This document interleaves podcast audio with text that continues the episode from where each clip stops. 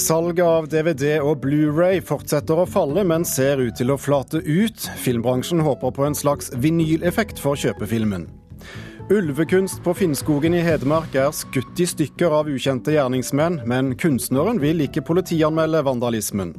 Og i Trondheim starter nå jakten på brannårsaken etter brannen på Ringve museum i går.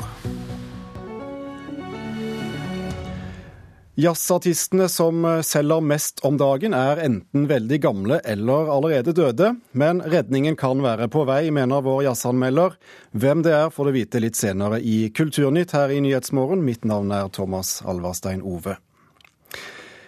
Først til salg av DVD og Blu-ray som fortsetter å synke. Fra 2009 til i fjor falt salget fra 18,5 til 6 millioner eksemplarer. Nye tall for første halvår viser at nedgangen fortsetter, men også at den begynner å flate ut, noe som får bransjen til å håpe på en lignende effekt som den vinylplater har hatt for musikksalget. Men så hipt og kult vil DVD-er aldri bli, sier filmjournalist som for lengst har kvittet seg med store deler av sin samling. Her er liksom de få hyllene vi har igjen til eh, DVD-er, da. Det er ikke så mye, men jeg har liksom tatt vare på noe av TV-seriene. Joakim Torkelsen er filmjournalist i magasinet Filter, og er godt over gjennomsnittet opptatt av film. Men selv han sverger til de digitale plattformene. De siste årene har salget av DVD og Blu-ray gått kraftig ned. Etter stor konkurranse med både lovlige og ulovlige digitale løsninger. Jeg um, har kjøpt utrolig mye CD-er og, og DVD-er eh, opp igjennom. Eh, men var vel den generasjonen som vokste opp på 90-tallet, som også fikk med oss alt som skjedde rundt den digitale revolusjonen. Så det er nok en stund siden jeg slutta å kjøpe så mye som jeg gjorde. Og på tross av dårlig sommervær fortsetter salget å falle. Fra 2013 til 2014 gikk salget av de fysiske formatene ned med 30% Og i løpet av det første halvåret i år har det gått ned med mer enn 15% i forhold til samme periode i fjor. Ja, det er eh, en nedgang, men vi ser jo at eh, den store nedgangen som har vært de to-tre siste årene, den stopper litt opp. Willy Johansen i Norsk Videogramforening forteller at den store nedgangen nå begynner å flate ut.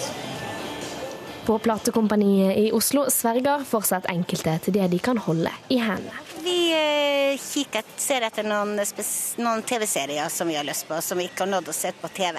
Handler dere mye TV-serier ja, og sånt? Vi handler mye DVD-er generelt. altså. Ja, jeg har en pen samling hjemme. Jeg vet ikke, Det er noe, det er noe med den følelsen når du sitter med eh, cover i hånda da, og er på vei hjem og gleder meg til å se en ny serie eller film. da. Denne sommeren mot fjor sommer så er vi omtrent på det samme nivået. Vi har jo sett en utflating nå eh, siste kvartalet, da, som vi håper fortsetter og kanskje øke til og med mot jul. Erik Dunseth Salvesen er produktsjef i platekompaniet. Nå håper de den nedgående trenden vil snu. På musikk så har jo utviklingen vært litt sånn i forkant av det som det er på film. og det, det vi ser der, er jo at det har stabilisert seg og øker jo voldsomt på vinyl. sånn at totalt så er det jo økning på musikk i år. Så du håper på en slags vinyleffekt da, innenfor eh, film? Eh, ja, det er jo et veldig spesielt format med vinyl. Men, eh, men ja, jeg håper iallfall på, en, på en lignende CD-utvikling, i det minste. For første gang på flere år øker salget av musikk i fysisk format. Og det er den populære vinylen eller LP-platen som kan ta æren for det. God lydkvalitet er hipt og kult, men Joakim Torkelsen tror ikke det samme gjelder for filmbransjen. Jeg ser ikke helt for meg hvordan Blu-ray kan bli den nye vinylen, i hvert fall jeg ser ikke for meg at den utviklingen kommer til å snu ordentlig. Og hvis du ser oss på musikkbransjen, så er jo vinylsalget relativt marginalt sammenligna med inntektene fra, fra strømming. da. Reporter her, det var eh, Marie Røsland. Terje Kolbjørnsen forsker på eh, digitalisering i mediebransjen ved, i mediebransjene, får vi vel kanskje si, ved Universitetet i Oslo. Eh, hva er egentlig fremtiden for disse fysiske filmformatene? Nei, som det framgikk av eh, innslaget også, så er det en trend vi har sett over eh, flere år. og Jeg tror nok de fysiske formatene vil bli mindre og mindre vesentlige for bransjens totale inntekter. Men eh, det er ikke sikkert at de forsvinner fullstendig. Som også ble nevnt her, så er Platen et godt eksempel på et fysisk medieprodukt som har funnet en liten nisje i den digitale tid. Men som sagt, jeg tror dette blir nisjeprodukter i, i en fremtid. Hva har kjøpefilmen betydd for de som lager film, og, og, og, hva slags økonomiske konsekvenser kan det få at, at, at salget forsvinner så, så om, i så stor grad som det gjør? Ja, hvis vi ser på den modellen som på en måte tar over for, for DVD-salg, Blu-ray-salg, så er det strømming. Og på kort sikt så er det nok mye penger som går tapt eh, hvis vi sammenligner de pengestrømmene, og særlig hvis vi sammenligner toppårene for DVD-salg eh, med dagens inntekter fra strømming. Og den situasjonen blir ytterligere forverra når folk går til ulovlige aktører, som f.eks. Popcorn Time. Ja, for mye av strømmingen foregår nettopp på disse ulovlige sidene, som er får vi si, kanskje dessverre veldig mye enklere å bruke enn eh, foreløpig enn en lovlige tjenester. Hva må bransjen gjøre for å snu på det? Eh, bransjen må jo forholde seg til at det finnes eh, den type tjenester, men det må jo også de som regulerer dette markedet gjøre. Eh, folk liker gratis, og de liker at alt er tilgjengelig på ett sted. Jeg tror ikke gratis er noen farbar vei for eh, filmbransjen. Men man må jo anerkjenne at publikum er frustrert med et oppsplitta marked der eh, mange nye titler ikke er tilgjengelige.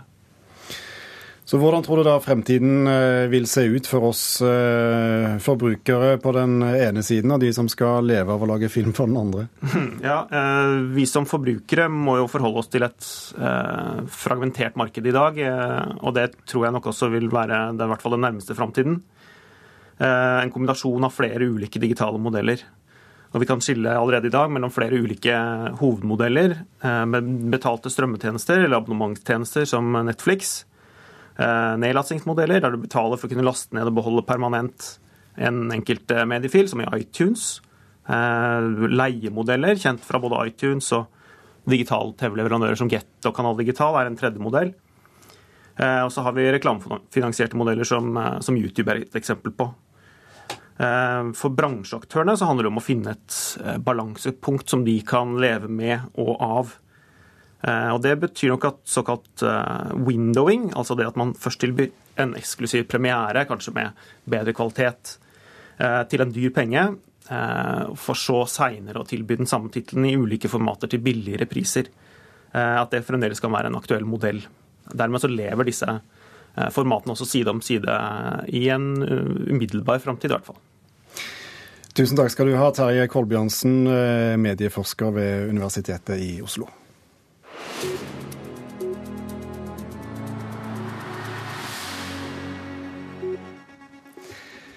To personer eh, omkom og 22 ble skadd da et sirkustelt raste sammen under en forestilling i New Hampshire i USA. Ulykken i byen Lancaster skjedde under et kraftig uvær mandag kveld lokal tid, ifølge TV-stasjonen CBS. Om lag 250 mennesker befant seg i teltet da det raste sammen. Av disse ble rundt 100 sittende fast under teltduken, men de ble hentet ut i løpet av kort tid. Orkla har betalt TV 2 for å skrive inn en norsk-indisk kokk i en gjesterolle i en ny komiserie. En av karakterene i serien er en matblogger, altså en virkelig person, og Orkla har betalt møtet mellom bloggeren og kokken. Dette er produktplassering, skriver Dagens Næringsliv, og TV 2 er enig i det. Produktplassering er en vinn-vinn-situasjon for både kanalen og den kommersielle aktøren, sier sponsorsjef eh, Barås By. Det ble svært dramatisk da det brøt ut brann i hovedbygningen på Ringve museum i Trondheim i går. Ikke bare sjeldne, men uerstattelige musikkinstrumenter ble båret ut i høy og hast, samtidig med at brannvesenet forsøkte å få kontroll over flammene. Et av disse var klavikordet til Ludvig Lindemann.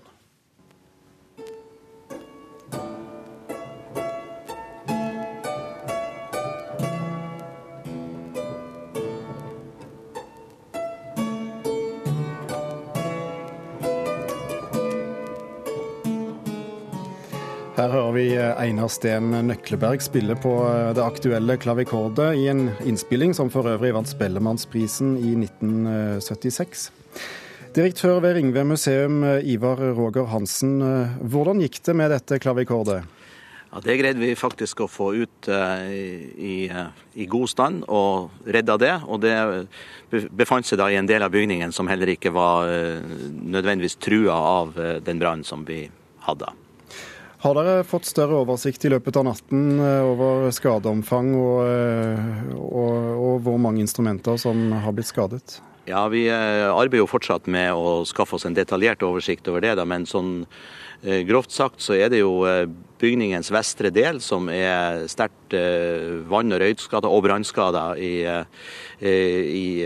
eksteriørt, og også innvendig da, med, med vannskader. Men heldigvis så står bygningskroppen fortsatt fast, og taket og alt er intakt.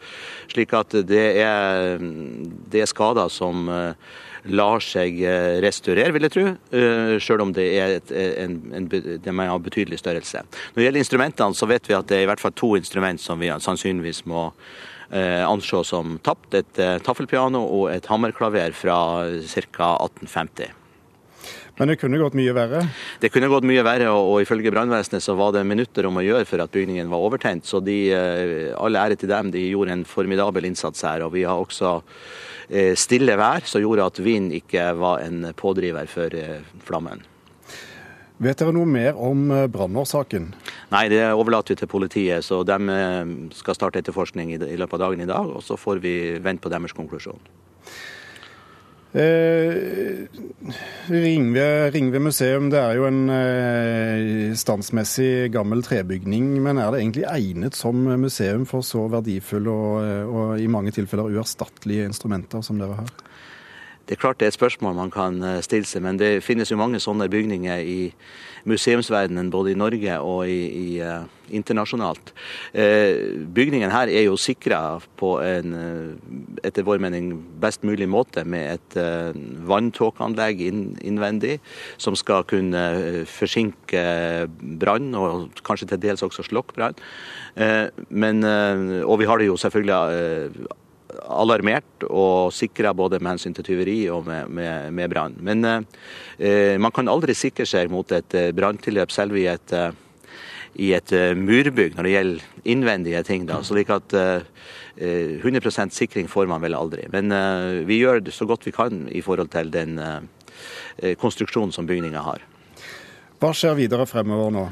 Nå eh, skal vi i dag eh, eh, flytte ut alt inventar fra bygninga. Vi har fått et nytt lager. Vi skal skaffe oss oversikt over de skadene som har skjedd. Det er viktig at vi får instrument ut av bygninga nå, fordi den, den har, det er et ganske høyt fuktighetsnivå der. Og det er ikke instrument så særlig glad i. Så vil vi da etter hvert skaffe oss oversikt over både hva tilstanden er for, for gjenstandene, og mer detaljert når det gjelder bygninga. Vi tar kontakt med antikvariske myndigheter, forsikring og i det hele tatt. Samtidig som at vi òg nå må planlegge videre drift av eh, resten av museet. For det er jo en betydelig del av Ringve museet som, Ringve museum som fortsatt er, er operativt. da. Du har en omfattende jobb eh, foran deg. Du får gå og ta fatt eh, på, på oppgavene som venter. Takk skal du ha, Ivar Roger Hansen. Du hører på eh, Kulturnytt i Nyhetsmorgen i NRK P2 og eh, Alltid nyheter. Klokken har blitt 16 minutter over åtte, og dette er eh, nyhetsoverskriftene nå. Flere ville overlevd fritidsbåtulykker hvis de hadde brukt vest, mener Sjøfartsdirektoratet. Ni omkom på sjøen i juli, juni og juli. Prisen på gull har nesten halvert seg på fire år. Det kan vi kunder komme til å merke. Og ungdomspartiene må engasjere seg mer i boligkjøp, mener sjeføkonom.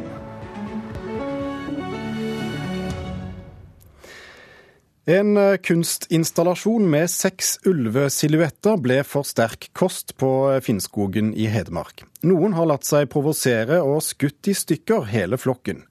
Ulvekunsten står i et område hvor rovdyr har vært en het konflikt i mange år. Hærverket er overraskende, men interessant, mener kunstneren selv. Nå henger det som groteske ulver som er gjennompenetrert med hull. Og hvert hull er eh, malt med rød maling for å indikere blod. Her er de henrettet, rett og slett. Ulvekunst på Finnskogen, ja det kan vekke oppsikt. Det var kunstner Astrid Jøstad Svendsen ved Galleri Austmarka forberedt på da hun tidligere i sommer utplasserte seks ulvesilhuetter i plast. Mitt håp var at det skulle bli litt bygdesnakk, og at uh, det regnet jo da med at noen ville bli provosert av det. Men Men derifra til, også, til det som har skjedd nå, er veldig overraskende.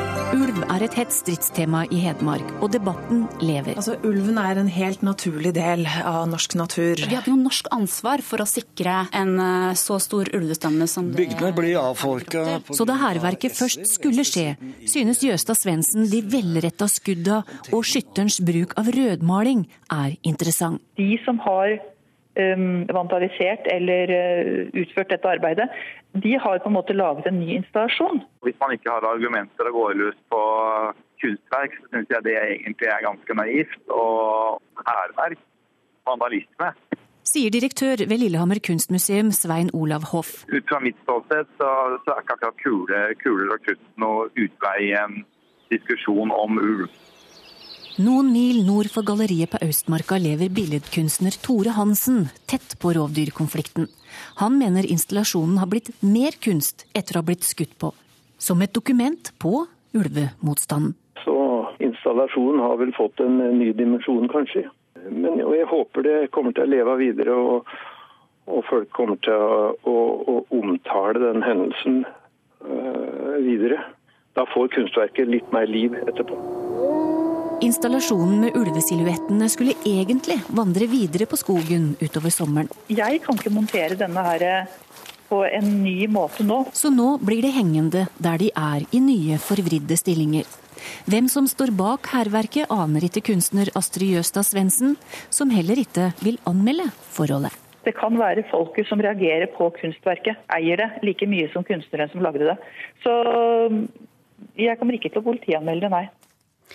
Ja, Det sa kunstner Astrid Jøstad Svendsen til reporter Torunn Myhre. What's your name? Victoria. My name is Ronald. Nice to meet you. I show you our world. Are you stealing? I have to do Boxer a favor. It's something bad to do? Ja, dette er fra filmen 'En natt i Berlin' av den tyske regissøren Sebastian Schipper. Norske Sturla Brandt Grøvlund har vært fotograf på, på, filmen, som er tatt opp i én en eneste lang tagning. Dette vant han Sølvbjørn for under filmfestivalen i Berlin i vinter. Nå er filmen snart klar for norske kinoer, og i går var det førpremiere i Oslo. Det var så intens hele tida. Det var jo nervene høyt, høyt opp med hele tida. Ja, veldig kul. Veldig, veldig kul. Intenst. Imponert. Det er veldig suggererende. Fint å bli dratt inn i noe sånt. Jeg kunne aldri forestilt meg at det var at det, var, at det faktisk var skutt i en tagning. Velkommen til Kulturnytt, Sturla Brandt Skrøvlen. Ja, takk. Intenst var et ord som gikk igjen eh, på vei ut dørene fra kinosalen eh, i går. Er det en, eh, en, tilsiktet effekt av nettopp det å filme alt i ett? Ja, det tror jeg helt klart at det var rimelig intenst for både meg bak kamera og dem foran kamera å legge seg ut på sånn maratonfilmøvelse. Så intens, at opplevelsen er intens, det er jo, det er jo bra. Bare kort om hva filmen handler om. Det er altså spanske Victoria som etter en kveld på nattklubb møter Sonne og gjengen hans. De to finner tonen, og i løpet av natten så blir hun dratt med på et bankran som eh, selvfølgelig snur eh, tilværelsen eh, opp ned. Hvordan var det fysisk å gjennomføre filmingen? For her er det inn og ut av biler, det er ned bratte kjellertrapper, det er opp stiger på, på tak, og på et tidspunkt er det på sykkel. Ja. Eh, nei, det var jo en utfordring, det. altså, Å, å komme kom seg rundt i Berlin på denne måten uten å, å ha muligheten for å, for å, jukse med å sette seg inn i en bil og kjøre til neste location. Eh, men eh, det var også en, eh, en viktig del av, eh, av opplevelsen at, eh, at, vi ikke skulle klippe. Så det var en, helt klart en logistisk utfordring også å, å å komme rundt i Berlin på denne måten. Hvor mange ganger har dere filmet filmen før, eh, før, den versjonen vi nå ser på kino eh, kom, og dere var fornøyd? Vi, eh, vi filma filmen tre ganger, og det var i tredje forsøk at, at det ble så bra som, som vi turte å håpe på. Hvordan er det egentlig både for deg og skuespillerne å, å holde på konsentrasjonen og, og, vite til enhver tid hva dere skal gjøre gjennom en, en tagning på det, altså to timer og 17 minutter? Ja, nei, det, jeg tror ikke vi vet hva vi gjør til enhver tid. Men uh, vi, vi, er klart, vi er godt forberedt. Vi har planlagt uh, i, i månedsvis. Og vi uh, Altså store deler er improvisert, men vi kjenner hverandre så godt, både meg og skuespillerne. Så vi, det blir som en, en dans hvor vi, hvor vi, kjenner hverandres bevegelse og rytme. Og, og på den måten så, så fungerer det veldig bra. Men likevel, i uh, fluktscenen etter ranet, da holdt det på å gå galt?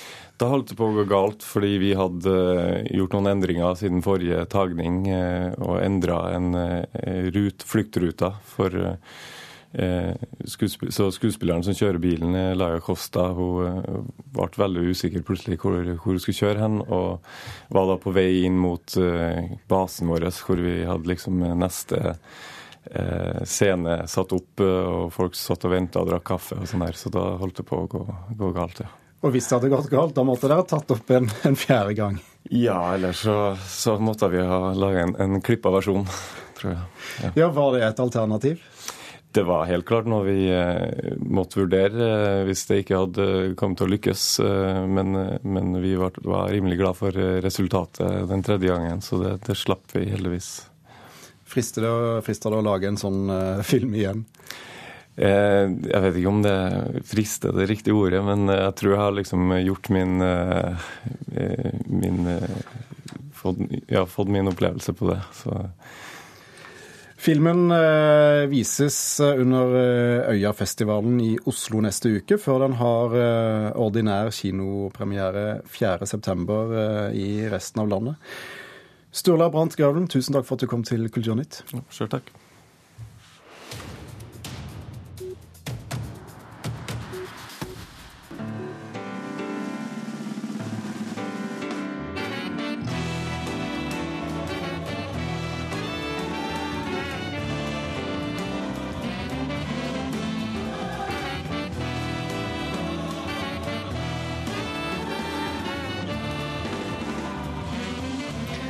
Jazzens eh, status er på eh, vikende front i sitt eget fødeland USA. Billboards eh, jazzlister domineres av 88 år gamle Tony Bennett og for lengst avdøde stjerner som Frank Sinatra og Miles Davis. Men redningen kan være på vei, ifølge amerikanske medier. Og jazzkritiker her i NRK, Svein Magnus Furu, er Kamasi Washington, som vi hører her, jazzens redningsmann? Ja, det er mange som vil ha det til det. Eh, vi må ta det med en liten klype salt. Det er mange som har fått den merkelappen ved seg eh, tidligere. F.eks. Eh, pianist John Batiste, som har fått jobben som bandleder i The Late Show etter David Letman. Eh, men, eh, og også Esperanza Spalding og Snarky Puppy og sånne. Men eh, Washington han har, altså, han har noe helt annet ved seg. Dette som vi hørte fra nå, det er en plate som heter The Epic, som er da en, en trippel-CD, som er hans første utgivelse. Det i seg selv er jo en stor begivenhet, at man debuterer med en trippel-CD. Men han har også en bakgrunn fra, fra hiphop som er veldig unik. Hiphop har jo tatt over for jazzen som, eh, som eh, de unge afroamerikanernes eh, protestmusikk, kan man si. Den, den, rollen hadde jo jazzen en gang for veldig lenge siden, men hiphopen har definitivt den rollen nå. Mens Washington han har altså vokst opp like ved Compton og i NWAs nabolag, altså hiphopgruppen. Og han har produsert musikk for Kendrick Lamar, og han har spilt med Snoop Dogg, og han, han tar altså med seg dette inn i denne musikken. Litt kul, eh, kul, type, dette her? Han er så absolutt en kul type, og han har en sterk appell til, eh, til et yngre jazzpublikum enn eh, de som hører, på, som hører på Tony Bennett og Frank Sinatra. La oss høre litt mer.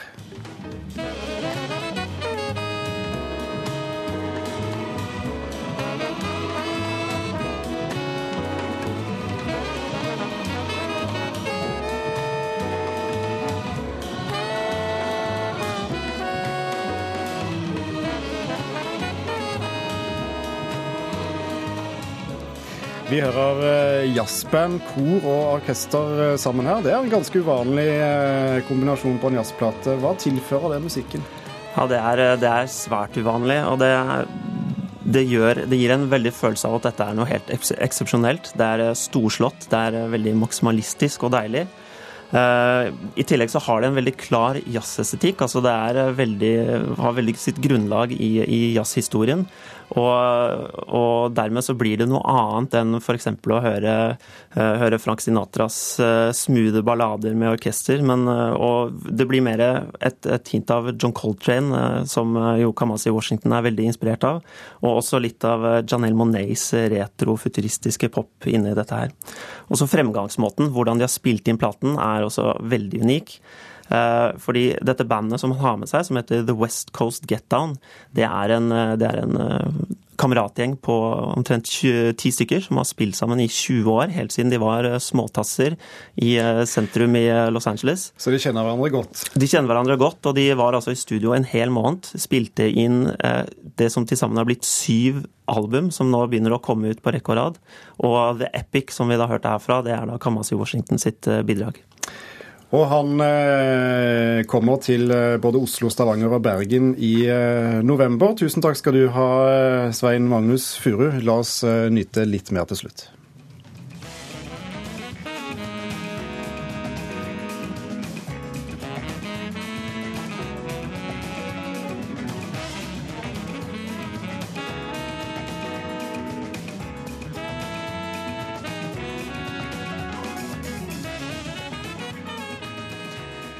Kulturnytt runder dermed av. Sendingen ble laget av produsent Gjermund Jappé, teknisk ansvarlig Per Ivar Nordahl, og her i studio Thomas Alvarstein Ove. Hun ble oppdaga av The Beatles og tok Storbritannia med storm. Hør historien om det britiske 60-tallsikonet Silla Black i Kulturhuset i dag klokka 13.